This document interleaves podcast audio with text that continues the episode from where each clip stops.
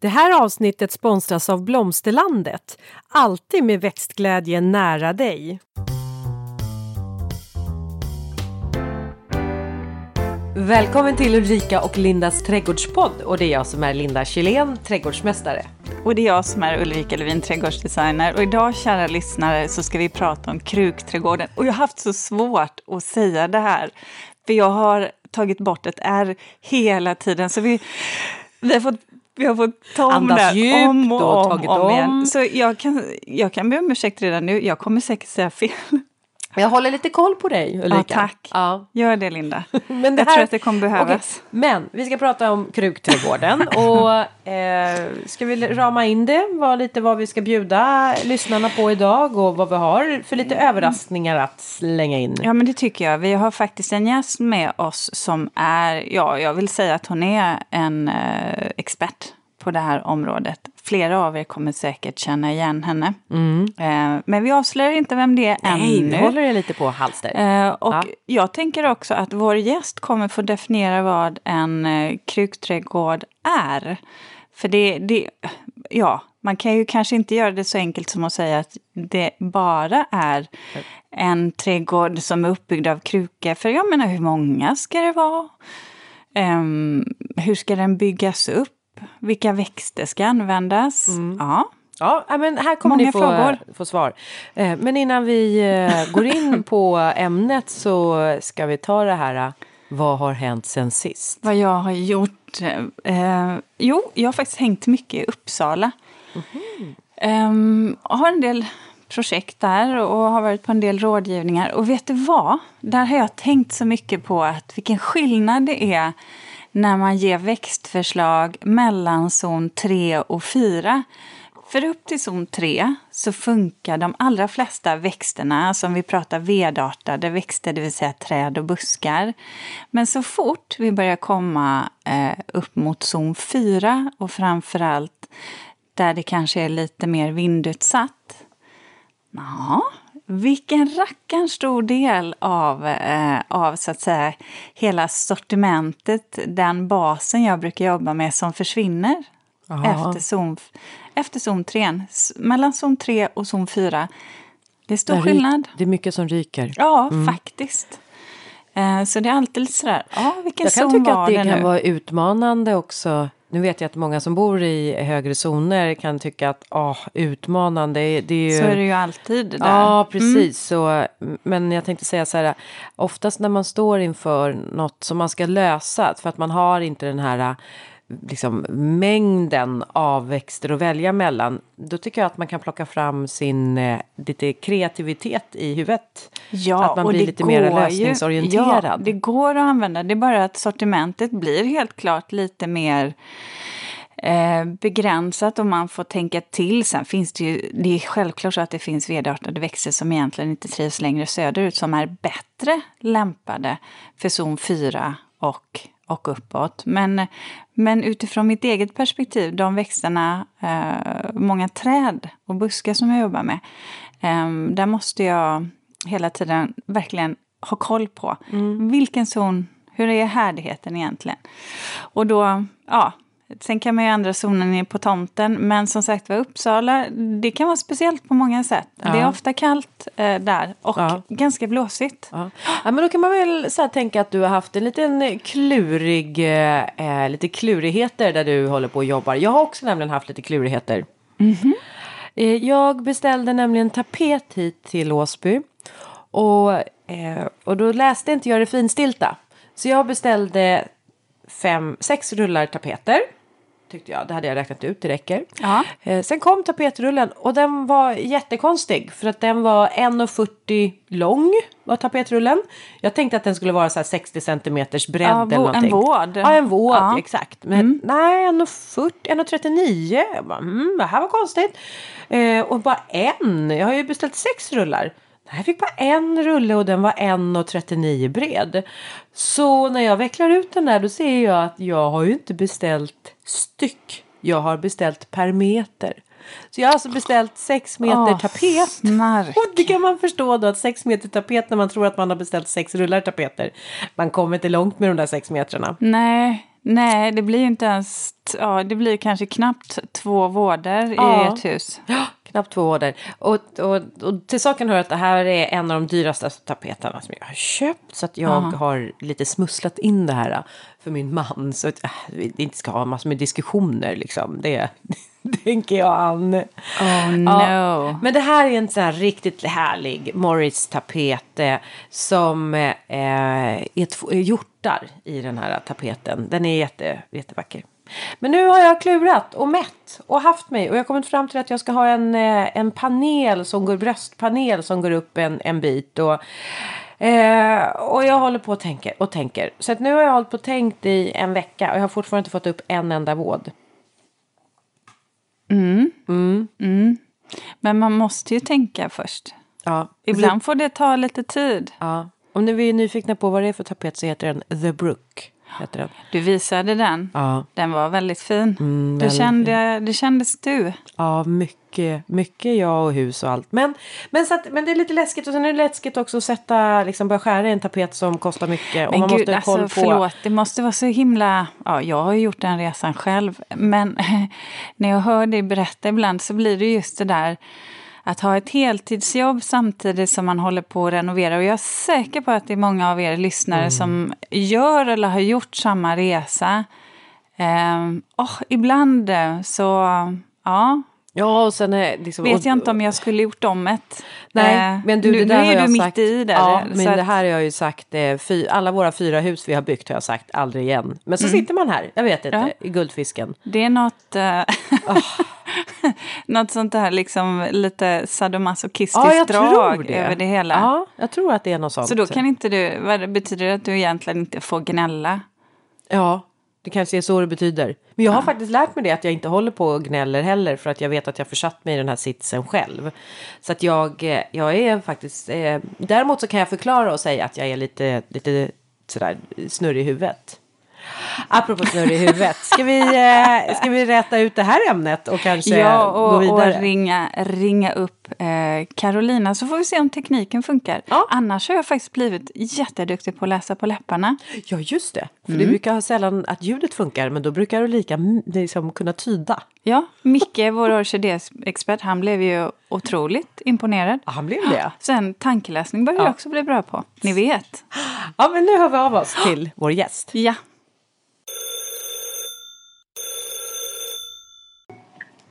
Så, då har eh, vi ringt upp dig, Carolina Brising. Eh, du är trädgårdsdesigner på Länsmansgårdens trädgårdsdesign och också något av en krukträdgårdsspecialist skulle jag vilja påstå. Hej och välkommen! Hej! Ja, eh, Ja, det säger vi också och alla våra lyssnare är, tycker nog också att det här är minst lika spännande att få höra eh, dig berätta om din trädgård. Eh, för det här med en krukträdgård. Eh, finns det någon definition på krukträdgården? Ska den innehålla ett visst antal krukor för att liksom komma över gränsen till att få vara en krukträdgård? Eller hur definierar du en krukträdgård? Ja, alltså när jag började med mina krukor 2017 så tror jag inte att det fanns Eh, egentligen något ord som hette krukträdgård Utan eh, jag var nog kanske en av de första som försökte förklara vad jag höll på med. Och då var det ganska naturligt att kalla det just krukträdgård. Eh, jag vet att i USA ungefär samma tid så började man använda ordet container garden. Men om egentligen det är ett ord vet jag inte. Slår man upp krutträdgård i, i Svenska Akademins ordlista så finns ju inte ordet. Mm. Eh, så att det är väl, kan man säga, mer um, ja, bland oss som, som håller på med trädgård. Det är vi som vet vad, vad det innebär. Och skulle jag förklara det, eh, liksom för, om jag har en kurs här eller så, så skulle jag nog egentligen kort och gott säga en samling krukor med vackert innehåll på en väl vald plats. Eh, för i slutändan så är det ju ändå någonstans man själv som, som, som lägger in vad en krukträdgård är för sig själv helt enkelt. Ja, för jag kan ändå uppleva att det är ett ett, eh, som jag sa till dig Linda här, att, att det är som ett nytt fenomen. Mm. Eh, jag tänker på Klas Dalby mm. är det väl mm. också mm. i Danmark. Men jag, tänk, jag, jag tänker också ja, på att det, det är väl det här att för att odla i kruka och att ha krukor eh, stående vid sin eh, entrékrukan, kanske man har örter i kruka vid eh, sin uteplats. Det är ju något som är, liksom, det är ju allmänt, eh, ett allmänt känt att, sätt att använda sig av växter i kruka. Men det är väl just den här delen då när man i princip mm. bygger upp en hel eh, en helt, ett helt liksom, trädgårdsrum utifrån krukor. Mm. Det är väl där som, eh, för vad, vad har man för mark på, på, är det grus som man alltid har under och sen så fyller man det då med krukor? Jag tänker, ska vi, ja, ja vi kommer kanske in på det. Vi, kommer in på det. Vi, vi, tar, vi tar eh, den ja. fördjupningen sen när vi ska gå igenom för. Men om jag tänker eh, här Carolina utifrån, hur ser en krukträdgårds årscykel ut? För att om jag förstår dig rätt, i alla fall när jag har tittat på, på ditt Insta-konto, så, så bygger det ju en hel del på eh, säsongsblommor som kanske har en liten annan mm. årstidscykel än vad om, om du skulle ha jobbat med perenner till exempel. Ja men verkligen. Um, jag väljer ju att jobba um, med alla årets säsonger i mina krukor. Eh, lite som man gör offentligt eh, i olika städer där man har ett blomsterprogram. Eh, att man på våren har man vårfloret eh, med kanske panseer, rysimum och så, eh, gyllenlack. Eh, sen på sommaren har man ett annat tema. På hösten byter man, man kanske har ljung och fina gräs och så och sen på vintern sätter man granris. Så jobbar ju jag. Men jag tänker att man måste ju inte jobba så. Man kan ju faktiskt ha en krukträdgård där man har perenner och där man har mycket buskar och träd i också.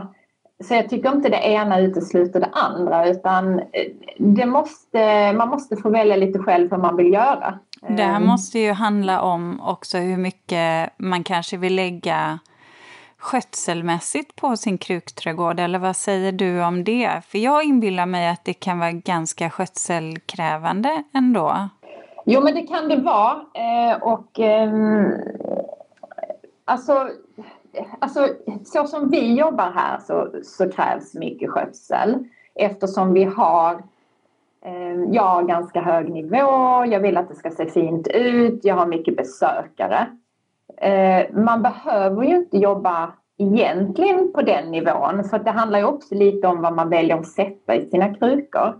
Eh, har man en, en krukträdgård i skuggan bakom huset och så sätter man hostor och lite mer skuggtåliga växter då behöver man inte vattna i samma utsträckning. Men det är klart, har man panseer eller annueller, alltså sommarblommor, ettåringar i sina krukor så vill ju de, de behöver ju ha vatten nästan varje dag för att inte sloka. Eh, vilket i sin tur beror på att jordvolymen i krukan är ju inte så stor eh, och eh, då tar vattnet slut. Liksom. Rötterna suger det ganska fort en, en varm solig sommardag. Ja, och jag tänker också så ja, på det, det är skötselkrävande. Ja, jag tänker också på att krukor i sig är ju som en upphöjd odlingsbädd som blir ganska varm också. Så det är ju ett, visst, det är ett gynnsamt ja. läge men som sagt värme gör ju också att det, att det avdunstar. Men jag tänker på eh, skötselkrävande, men om man nu eh, jobbar mycket med ettåriga växter, driver du upp själv? Eh, eller hur direkt sår du i krukan eller liksom hur? Eh, jag sår en del, men de sådderna som jag gör, de hamnar i rabatt. Eh, all, all, nästan alla plantor som är i krukorna eh, köper jag in. Ja. Eh, men jag köper ju inte nytt till alla krukor varje år utan jag har ju en hel del vedartade växter, buskar, jag har en hel del perenner. Eh, till exempel använder jag ju alunrot mycket och den klarar sig ju fint år från år. Eh, så det är inte så att jag byter allt, men nej, jag, jag köper ändå in en stor del. Ja. Mm.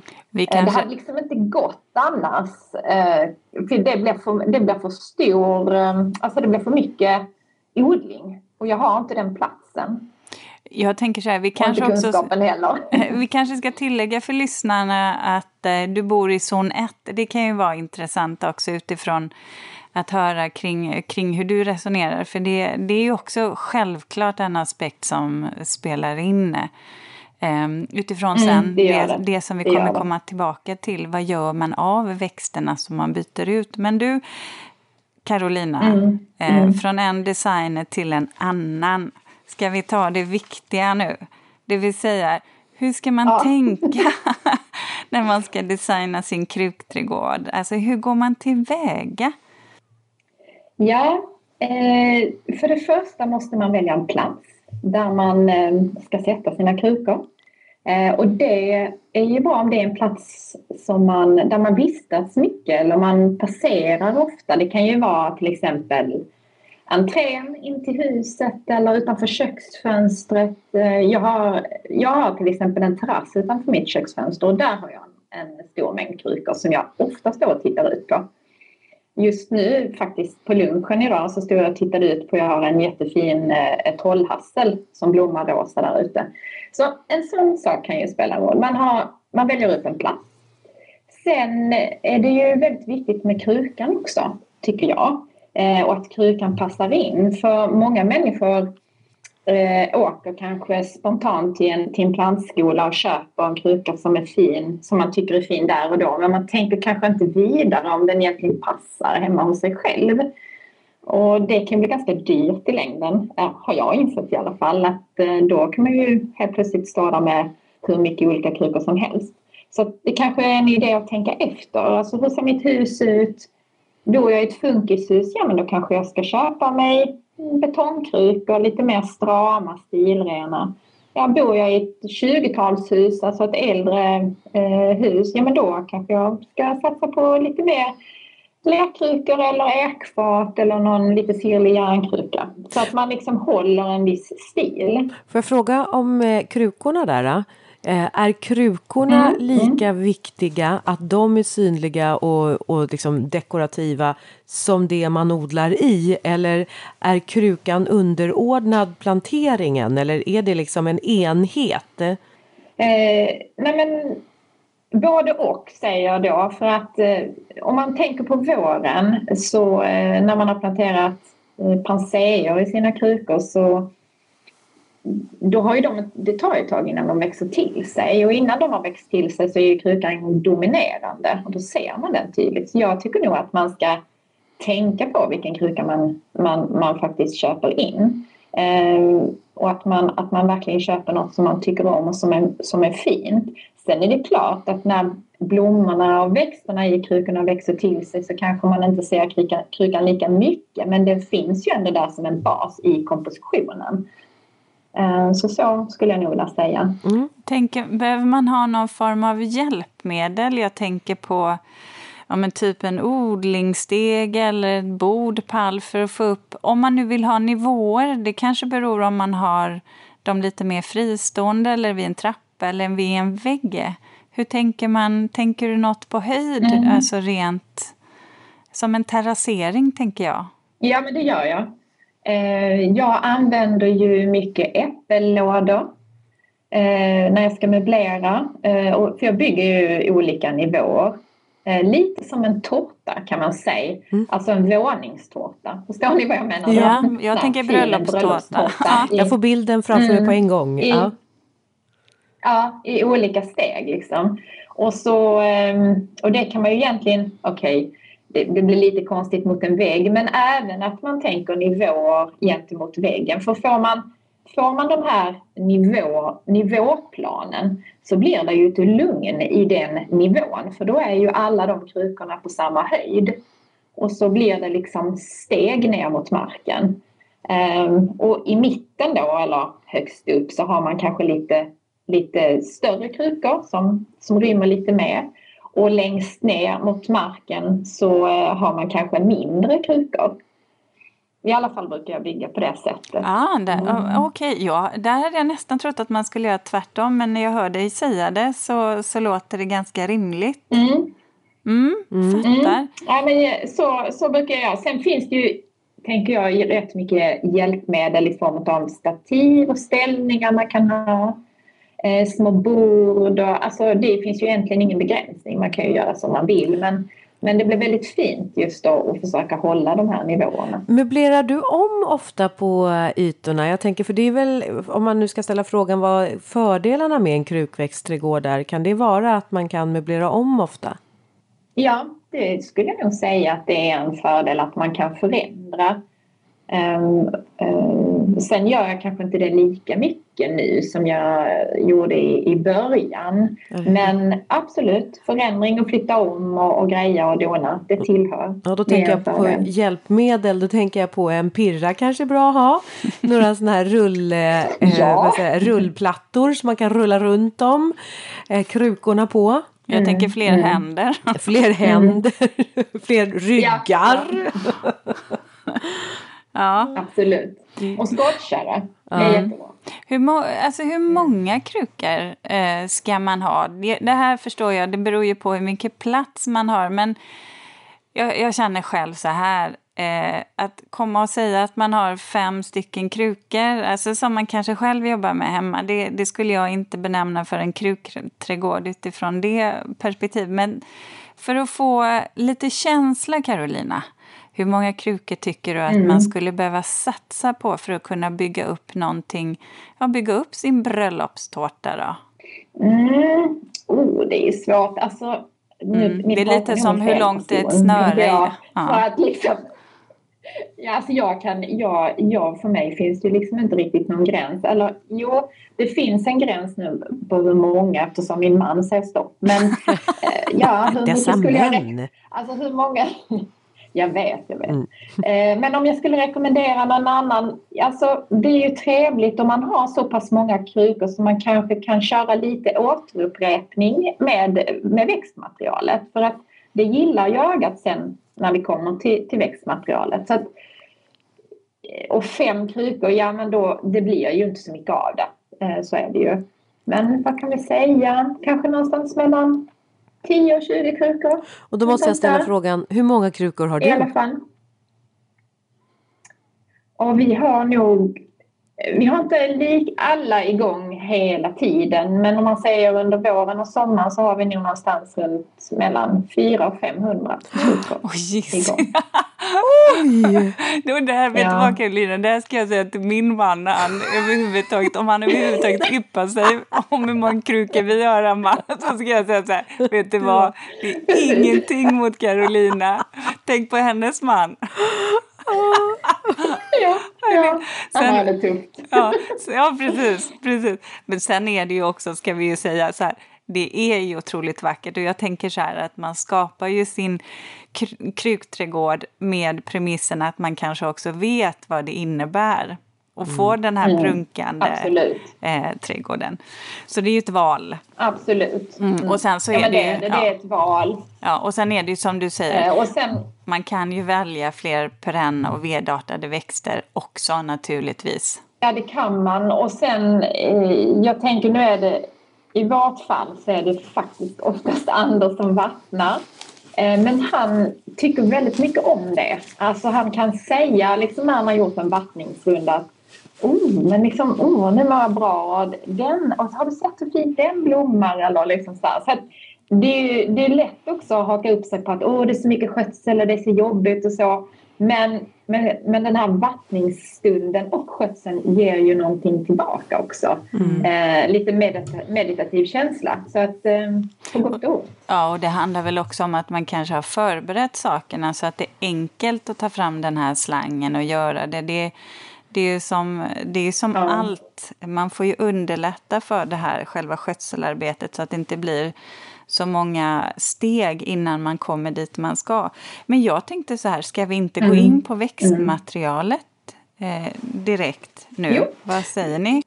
Ska, hur ska man tänka då när man väljer, väljer växter, Carolina, till en krukträdgård? finns det några växter som du tycker passar extra bra, som har det där lilla extra? Mm, det är svårt. Jag älskar ju alla växter. Alla. Mm. Så det är väldigt svårt att välja. Men jag kan tycka att en viktig sak att ta upp är att man ska välja svenskodlat i högsta möjliga mån. Eh, för att värna om, om, den, om den svenska, de svenska odlarna. Mm. Så det gör jag eh, så mycket jag kan. Mm. Eh, ja, den, den tycker jag man, man måste ta med. Sen är det ju, handlar det väldigt mycket om att välja växter som man tycker om och som berör en. Eh, för att det är ju någonstans man själv som ska, som ska njuta av det. Sen kan det ju vara andra som ska njuta också men eh, man lägger ju mycket tid på sina krukor och sina växter. Så att eh, välj det man tycker om. Det skulle jag säga är det viktigaste. Sen kan man ju gå vidare och tänka färg och ha liksom lite olika teman och sånt brukar jag göra. Ehm, man kan jobba med nyanser, kalla och varma färger, angränsande färger och kontrastfärger och så. Så det finns ju den, den Eh, det sättet att angripa det också.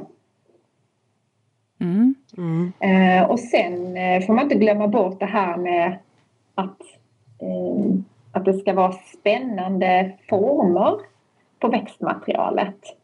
Eh, så tänker jag alltid när jag väljer växter att jag vill alltid ha något som är lite kuddformat, något som är lite, spi, som är lite någon spira eller plym och något som som vajar lite, alltså lite olika typer av former. former är också väldigt fint för då blir fruktträdgården väldigt intressant att titta på. Får jag fråga, planterar du de här formerna och de här växterna, eh, alltså har du liksom växtslag, sorter för sig i krukorna eller blandar och gör kompositioner i, i krukorna också? Eller kör du främst liksom en sort i varje kruka och sen? Eh, Nej, jag, jag gör ju så att jag har alltid ett växt, alltså en, eh, en sort per kruka. Eh, för att i och med att jag har så många krukor i mina krukträdgårdar så, så skulle det bli väldigt rörigt om jag mixade i alla de krukorna. Mm. Eh, så att jag har en sort per kruka. Vilket ja, för mig funkar det jättebra för att om, om det sen skulle visa sig att den får ett angrepp eller den eh, ja, det kommer sniglar eller ohyra eller det händer något annat, den vill kanske inte växa. Nej, men då kan jag byta ut alla eh, plantorna i den krukan och så, eller ta bort krukan. Mm. Så, så, så jobbar jag. Det var ju smart. Mm. Jag tänker också skötselmässigt att det är lite mer under kontroll. Mm, det också. Ja. Okej. Okay, ja, men, det, ja, men det, det, är verkligen så. Det är mycket lättare för att det är också så att olika växter vill ha olika mycket vatten. Eh, och vissa växter kan man ju inte vattna ovanifrån. Även om vi sticker in munstycket och vattnar på jorden så eh, ja, men det är lite olika hur de beter sig. Mm. Men nu, nu tänker jag... Det är jag, det lättaste att ha alla ja, samma igen. Jag, nu känner jag så här att jag vill ändå få svar på den här frågan. Även om du inte ville välja Carolina.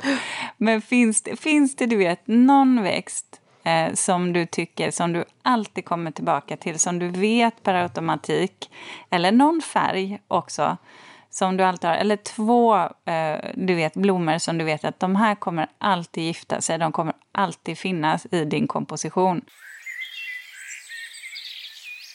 Linda, visst är vi stolta över att ha en sponsor till dagens avsnitt? Ja, och det är Blomsterlandet. En trädgårdsbutik nära dig med butiker över hela landet och en e-handel som är öppen dygnet runt. Välkommen! Mm, mm. Men då får vi nästan ta i olika säsonger.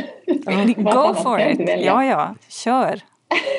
alltså jag tänker på våren så är det ju absolut eh, panser och eh, gyllenlack i eh, vårkrukorna.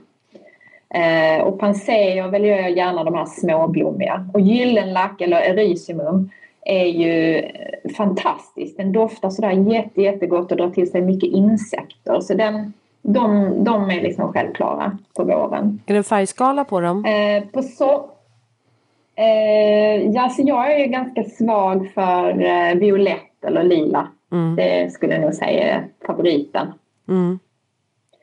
Eh, på sommaren då, är det, alltså då kan man ju liksom odla allt. Det är ju jättesvårt att välja men um, om jag ska, bara ska välja något bara för så kan jag säga fjäderborrsgräs.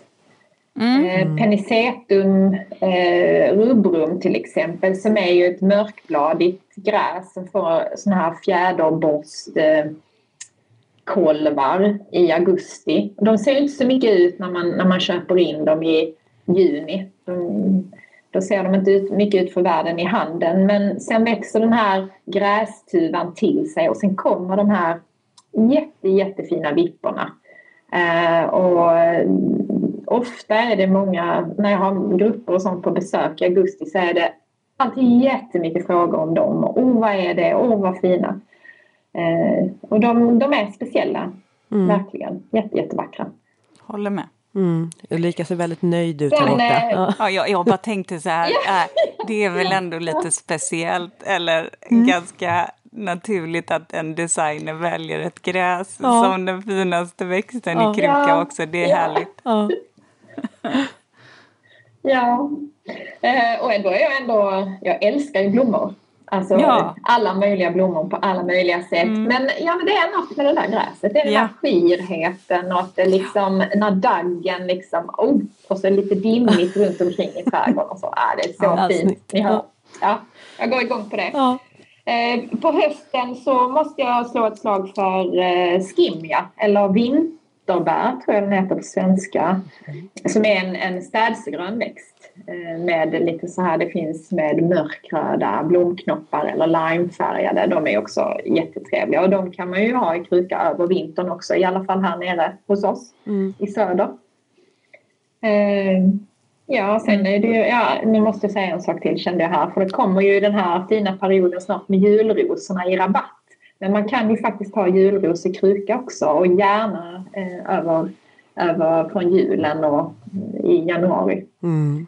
Eh, så det är också en sån, ja, mm. det är svårt att välja. Finns det, några, finns det några växter som du har testat eh, som du bara känner att kommer aldrig hända igen? Eh, för de funkar inte. Eh, alltså, jag kan väl säga att lammöron och de här jättetorktåliga växterna har ju inte samma frodighet i växtsättet. Um, och jag älskar en, en torrrabatt liksom med, med lavendel och nepeta och sånt men i kruka så blir det inte riktigt samma sak. Inte här hos mig i alla fall. Jag väljer, väljer gärna annat. Men eh, egentligen handlar ju det också om skötsel och, och att man, Eh, man inte vattnar för mycket. Att man kan få rätt substrat som växterna är, är planterade i och, och så. Så det, det, är mycket detalj. Det kan vara mycket detaljer runt. Eh, är det något som du tycker man ska tänka på vid eh, planteringen? Sådär, ska man, liksom, om tar oss igenom när du startar igång en ny kruka, liksom, vad gör du? Hur gör, går du tillväga? Ja, eh, det är jätteviktigt att ha en bra jord. Så det, välj en bra jord, A och O. Eh, sen planterar jag ganska tätt också eh, och det kan man ju tycka vad man vill om. Eh, ska man ha perenner eller vedartade växter och så, då, då ska man ju tänka lite annorlunda. Men just annueller, alltså ettåringar, eh, ja, en, en, en, en salvia till exempel eller så, de planterar jag ganska tätt för jag vill ju att det ska vara fint redan från start. Jag vill inte lägga liksom en månads väntan på att det ska växa ihop. Ehm, så, så det tycker jag är viktigt att att tänka på att det ska gärna vara fint hela tiden. Ehm, och är det sen soligt och varmt när man planterar så måste man ju vattna upp växterna innan och vara jättenoga med att vattna dem när de är planterade så att inte de tar skada. För det blir ju också en chock för den lilla växten att gå från sin lilla plastkruka in i, i, i den större krukan. Eh, men skyddar du dina växter någonting från hård vind? Alltså lägger du på något Eh, om det är nyplanterat tänker jag sådär. Eh. Nej, alltså vi bor ganska gynnsamt så jag brukar inte behöva... Alltså, man får ju tänka lite läget på, på krukträdgården, var den står. Men eh, till exempel, jag älskar ju japanska lönnar och de kan ju inte stå där det är för vindutsatt. Eh, men vi har ju lite för stora, det är lite för mycket krukor, för stora krukträdgårdar så att vi, vi mm. skyddar inte mot vind. Däremot kan det hända på våren ibland att vi skyddar när vi har planterat alla panseer och erysymum och så. Så kan det ibland vara att vi behöver täcka mm. just för frosten. Just det. det gör vi faktiskt. Eh, men du Carolina, då tänker jag, hur, hur ser den här löpande skötseln ut? För jag tänker, byter du ut jorden då i några av dina krukor och, och använder du dig av gödsel under säsongen? Ja, vi fyller ju på jord i våra krukor på våren när vi, när vi startar upp eh, krukträdgårdarna. Eh, och då kan man ju välja att använda egen tillverkad jord om man har möjlighet. Man kan få en bra kompost, man kan, man kan blanda eh, i sin jord. Man kan köpa en, en bra urnjord också. Och sen när man är inne i, på sommarmånaderna och man vill kanske sätta annueller då byter jag en del av toppskiktet i jorden för att, eh, ja, för att ge de nya växterna en, en bättre förutsättning. Um, och har man då köpt en, en urnjord till exempel så är ju den berikad med både korttids och långtidsverkande gödsel. Uh, och då håller den gödseln ungefär, vad kan man säga, kanske en tre veckor något sånt. Och sen behöver man tillföra extra näring. Mm. Uh, till exempel i form av naturgödsel då.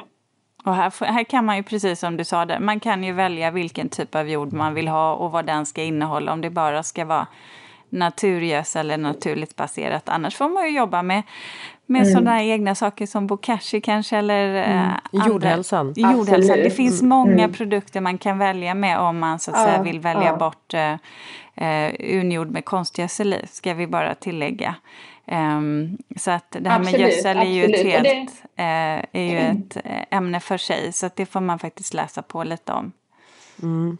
Mm. Alltså, absolut, jag, jag... och sen det finns, ja, det finns ju eh, bra jord som är gödslad med naturgödsel också. Mm. Eh, och eh, tittar man lokalt där man bor så, så kan det ju vara ett, ett alternativ. Om, även om man inte har, liksom, kan göra jord hemma så finns det ofta lokala leverantörer som använder sig av naturgödsel också i, i, som extra gödning. Så det, det, det finns verkligen bra ställen.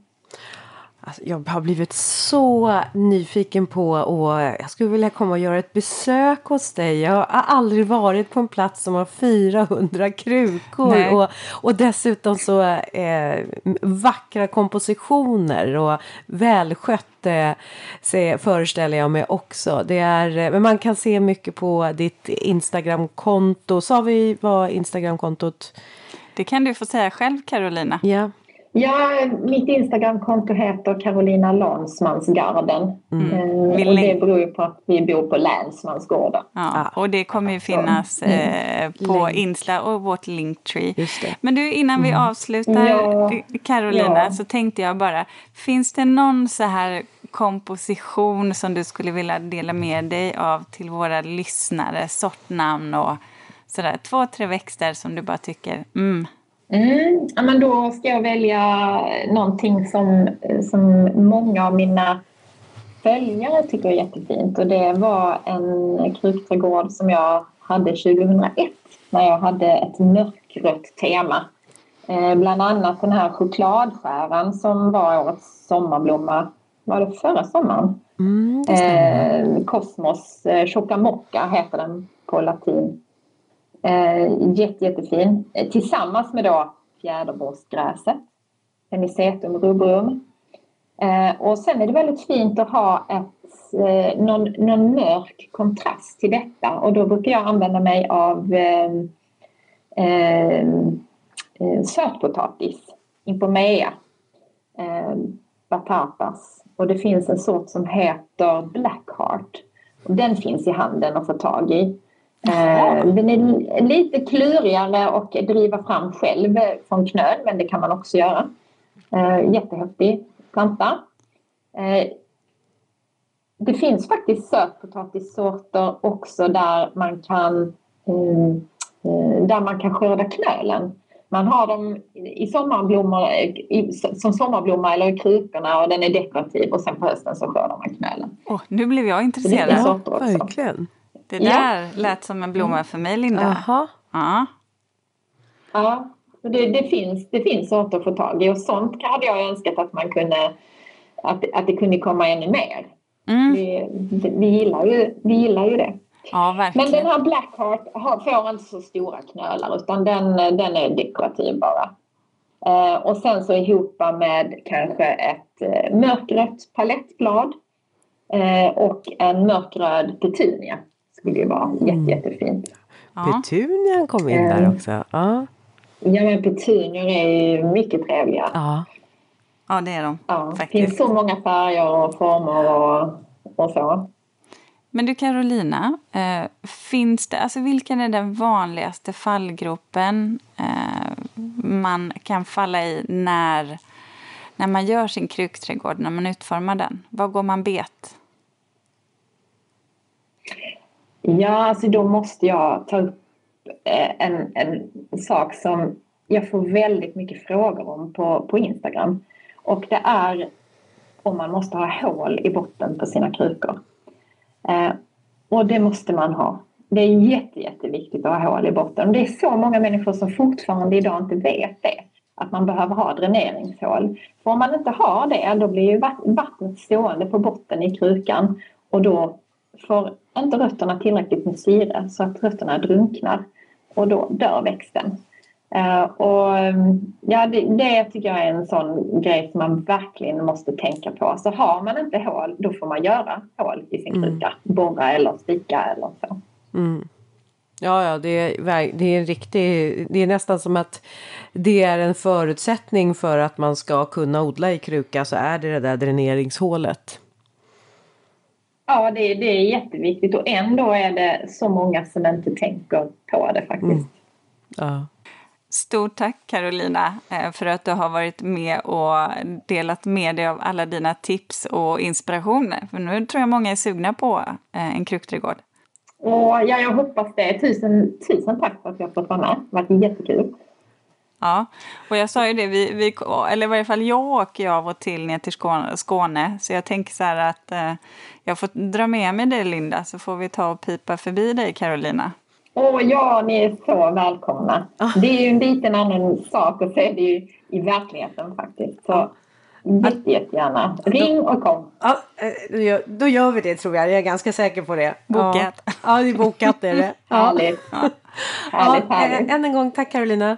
Tusen tack. Hej då! Hej då! Hej då. Då du Linda, då har vi fått eh, veta hur, hur man bygger upp och sköter om en kruktträdgård. Ja, och jag tyckte att jag hade många krukor här på verandan på somrarna. Jag har ju massa dahlior i krukor som står här ute på altan. Eh, och jag hade kanske åtta krukor. Jag tänkte jag har jättemånga. Men eh, mm, jag är brädad. Vad sa du, åtta? Åtta. Det, jag tror att åtta Ja. var ingen krukträdgård ens. Nej, exakt. Så det tror jag nog att så är det inte. Men du Linda, eh, klockan tickar och vi är i slutet av programmet. Så vad har du för reflektion? Och vet du, min reflektion hänger ihop med eh, våran elbil. Jag är ju hyfsat ny på att köra ren elbil. Du, du är ju gammal i gamet. Ja, faktiskt. Två år. Två år nu, ja. Eh, och det är mycket barnsjukdomar. Man tänker att eh, de här tar vi oss igenom. Det är inget fel på bilen. Den fungerar hur bra som helst. Så att du menar det, det är liksom sju, det är skit bakom ratten? är det det du vill säga? Ja, det kan man ju också fråga sig. Nej, vet du, jag är, jag är faktiskt ehm, lite irriterad över det här med att det inte finns eh, tillräckligt med laddstolpar runt om eh, när man är ute och kör Ja. som är snabbladdare. Ja, men så här krasst. Jag åker härifrån Eskilstuna till Stockholm och då behöver jag ladda när jag kommer till Stockholm. Eh, Och då finns det bara såna här små 22 eller 11 kilowattare. Vilket betyder att jag ska behöva sitta i 6-7 timmar och ladda. Fast jag behöver ju åka tillbaks till Åsby. Ja, verkligen. Mm, och då behöver man ha snabbladdare. Jaha. Och i just i de här storstadsområdena så är det de här snabbladdarna som finns. De är ofta upptagna utav taxibilar eller budbilar. Eh, så att där behöver man stå på kö. Och, eh, och då tycker jag att man har för få laddstolpar. Eh, och dessutom så kan det, alla har de sina olika Eh, ja, men alltså olika sätt att kunna ladda på. En del ska vara brickor, en del ska vara kort, en del och så ska appar laddas ner, Ja. ska du registrera konton. Och jag vill bara ladda. Och sen dessutom så eh, jag kör ofta med släp. Då måste jag hålla på och, så här, och plocka av släpet innan jag kan köra fram och ladda bilen. Och då är jag orolig för att någon ska hinna ta, Ta, laddstolpen däremellan. Eh, alltså det är verkligen inte så att det fungerar riktigt bra i praktiken. Inte i alla lägen. Eh, dessutom så när man då har hittat, här har vi en 150 kilowattare eller 62 kilowattare. Ja men bra, jag åker dit. Nej, då finns de inte där vet du. Därför att då är det kanske ett nybyggt område. Så att enligt liksom planeringen så, så ska det finnas en Aha, sån där. Men den är inte där ännu. Så man åker vilse i nybyggda områden. Eller också så finns de där men de är lite gömda. Är Det har jag varit ja, med om. Det är inte så här så att det bara är neongul färg med någon blixt som så här är upplyst. Här har vi laddningen. Linka Nej, energi. Linda, här ja, är här jag. är jag. Här är jag. Det här, nej, nej. De har ingen utstrålning alls. Det är, nej men de ligger ju i skugga, i mörker, Ja, lite avsides. obskyrt, sa Vet du vad? Igår kväll så skulle jag nämligen ladda. Då åkte jag fram till det jag bara, det här måste ju vara laddstationen. Men jag bara, det är ovanligt att laddstationen ligger mitt inne på bensinmacken. Men jag, så här, jag kan inte hitta den någon annanstans. Det var dammsugaren. Ja. Du vet jag ska stoppa in en polett och damm. Jag bara, det här är ju ingen laddstolpe. Nej. Och så, för den såg ut som laddstolpen. Nej men så här, då hittar jag laddstolpen lite liksom längre bort på kundparkeringen bakom deras hyrbilar. Där stod den alldeles ensam. Ja. Så nu har jag kommit fram till att jag, eller jag vet nu att det finns vissa laddstolpar i Stockholmsområdet som jag aldrig kommer yppa ett ord om vart de finns. Det har alltså blivit som att laddstolparna har blivit som såna här eh, kantarellställen. Man håller tyst om dem. Du får ju komma hem till mig och ladda. Fast jag har ingen Då ska jag hänga snabbladdare. hos dig i sju timmar. Det är så jag tänker. Det, är, ga- det är alltid trevligt vet att få besök. Jag gillar ju det. Ja, nej men så att jag, jag bara, jag Ja, du, reflekterar. du, bara, fasen, du bara dissade det direkt. Jag såg, Jag det såg inte det som ett alternativ. Nej, jag såg det. Nej, schysst. Schysst. Jag Nu, förstår dig. Din bil står ju där och laddas. Man Nej, men jag, jag tycker faktiskt Ja. att något måste göras så att man kan dels eh, ladda flera bilar samtidigt. Man ska kunna ladda med Mm. släp och de ska vara upplysta så man hittar. Och laddstationen ska inte vara utplacerad på en karta förrän den verkligen Det finns där där. är ju infrastruktur Ja, det som, är som helt- med elen överhuvudtaget som jag tror vi många har märkt av. Eh, oavsett om vi har elbil eller inte. Det Mm. Ja. måste lösas. Ja. Och det ligger på en nivå som eh, definitivt högre än vad vi eh, är på. Ja. Eh, Men det, det måste ju vara, ske någon långsiktig lösning där. Ja, Men jag det här är fattar helt- hur det Men jag eh, förstår vad du menar för att då, um, just det, för jag tyckte att shit, måste du ladda eh, när du kommer direkt till Stockholm? För jag, Ja. hade, ju- jag kan ju komma tur och retur till Eskilstuna. Ja, men eh, jag gör ju alltid ärenden i Stockholm. Ja. Så att jag, är ju så här, jag åker till Stockholm och så kör jag runt på en massa ärenden. Och sen åker jag tillbaka. Och eftersom jag ofta kör med släp så drar Exakt, det det var mer. det jag och tänkte på, att du dessutom- måste ha dragit mer. Ja, minusgrader. Och, och sen är det också alltid så lustigt för då Du planerar har man lite sin- större bil än vad jag har. Ja, jag, tror har jag. jag har större har jag. Jag har Mm, för att du ska ju fyrhjulsdrift. kunna driva, ja, Ja. så den drar med. Eh, och sådär. Så eh, men, eh, och sen Jag har sparkcykel. Du har lite spark, en liten elsparkcykel. Nej men eh, ja. Nej så att jag, jag, är, jag är lite, eh, jag är lite faktiskt eh, lite irriterad över det här. Men det är jag ett försöker problem. dra mitt strå till stacken och Ja. sen så möts jag inte upp i det. Nej, så att, jag eh, förstår. Ja, så att det är Sommartid verkligen... Mm. kan det vara ett aber. Vi, eh, nej, man, får, man får tänka när, hur man Och kör och om- när man åker. Ja men och dessutom om man har tänkt och planerat sin rutt så kommer man fram till laddstolpen då är det en funktion. Det har Och också hänt. så finns det inga andra alternativ. Alltså det är ju, nej, nej. Eh, Mm. Så, kommer en till bil och så står man där i en timme istället. Ja. Nej, men det är ett problem. Så ja, det är det. faktiskt det måste vi det prata måste, om. Det här måste lösas. Det var en reflektion. Ja. Ja, men okej Ulrika. Har du någon lite gladare reflektion kanske? Nej, det, nej, verkligen inte. Det är så dystopiskt en mycket där. mer narcissistisk, ja. på, på ett sätt. För den här påverkar bara mig själv egentligen. Nej, men vet du vad Linda, jag har gått och funderat mycket på kvinnokroppen. Och, och nu är det så här till... Eh, till alla män höll jag på att säga, eller de som inte är i samma ålder som jag. Så här är det ju, jag fyller ju 50 eh, här i september och helt plötsligt så pratar alla och vänner så här, om klimakteriet helt plötsligt. Och det är inte så att jag är tappad bakom en vagn. Jag vet att det här kommer hända. Jag har bara inte riktigt förstått hur stor grej... Att det skulle hända dig? Jo då, det har jag nog reflekterat över. Men jag trodde inte att det var en sån himla stor grej. Nej. Eh, och jag har ju förstått... Hur menar du med att det är en stor grej? Eller ja, det Därför är ju en stor grej. Ja, för att, att, att man påverkas så mycket, eh, alltså fysiskt, kroppsligen, eh, men också mentalt. Alltså, så att också vissa företag som är manligt dominerade, som har få kvinnor och gärna vill ha dem kvar, försöker underlätta för kvinnorna eh, under klimakteriet. För man kan alltså få en påverkan också på eh, på sin fysiska eller psykiska eller kapac- hjärnkapaciteten egentligen. Det är, det är jättestora processer i Det är lite kroppen. så när man är gravid. Ja, och egentligen är det väl så i tonåren också. Men, men eh, så, så jag tänkte så här att gud, alla pratar om det och jag fattar ju, jag är på väg dit också. Eh, Jag är kanske inne där, jag vet inte. Men grejen var ju det att då tänkte jag så här att man får, jag får ju läsa på lite då. Ja. Eh, Så jag lånade en bok eh, av en författare som har också som tränar mycket. Jag har lä- läst hennes träningsböcker nämligen, så hon är jättebra.